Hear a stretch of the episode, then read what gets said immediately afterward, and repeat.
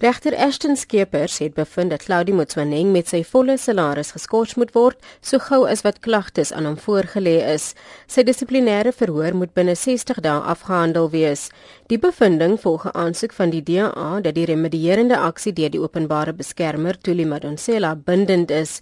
In April het sy bevind dat Motsoeneng nie eerlik was oor sy kwalifikasie toe hy heel eerste by die SAIK aansoek gedoen het nie. Sy het aanbeveel dat Motsoeneng dissiplinêr verhoor word en dat 'n nuwe nuwe bedryfshoof binne 90 dae aangestel moes word. In steede daarvan is hy in Julie permanent aangestel.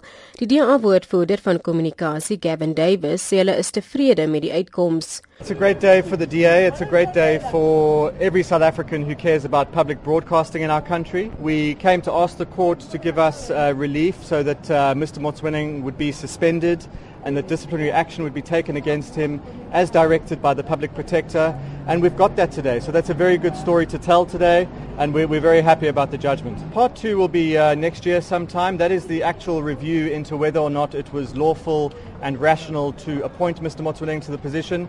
But in the meantime, he will be suspended and a disciplinary action will be instituted against him. Motswileng se regsverteenwoordiger, advokaat Zola Majavu, sê hulle sal aansoek doen om te appeleer. We have been instructed very firmly to bring an application for leave to appeal. And we intend uh, noting that application this afternoon or first thing on Monday morning.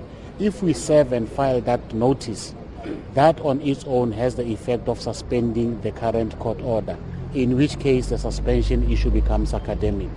'n Groep hoofsaaklik kerkleiers wat Mtswaneng in die hof ondersteun het, sê hulle is teleurgestel.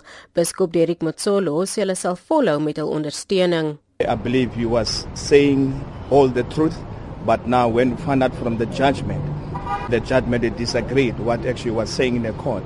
So that's why we are very, very disappointed and we'll keep on as the religious sector to support him and pray for him.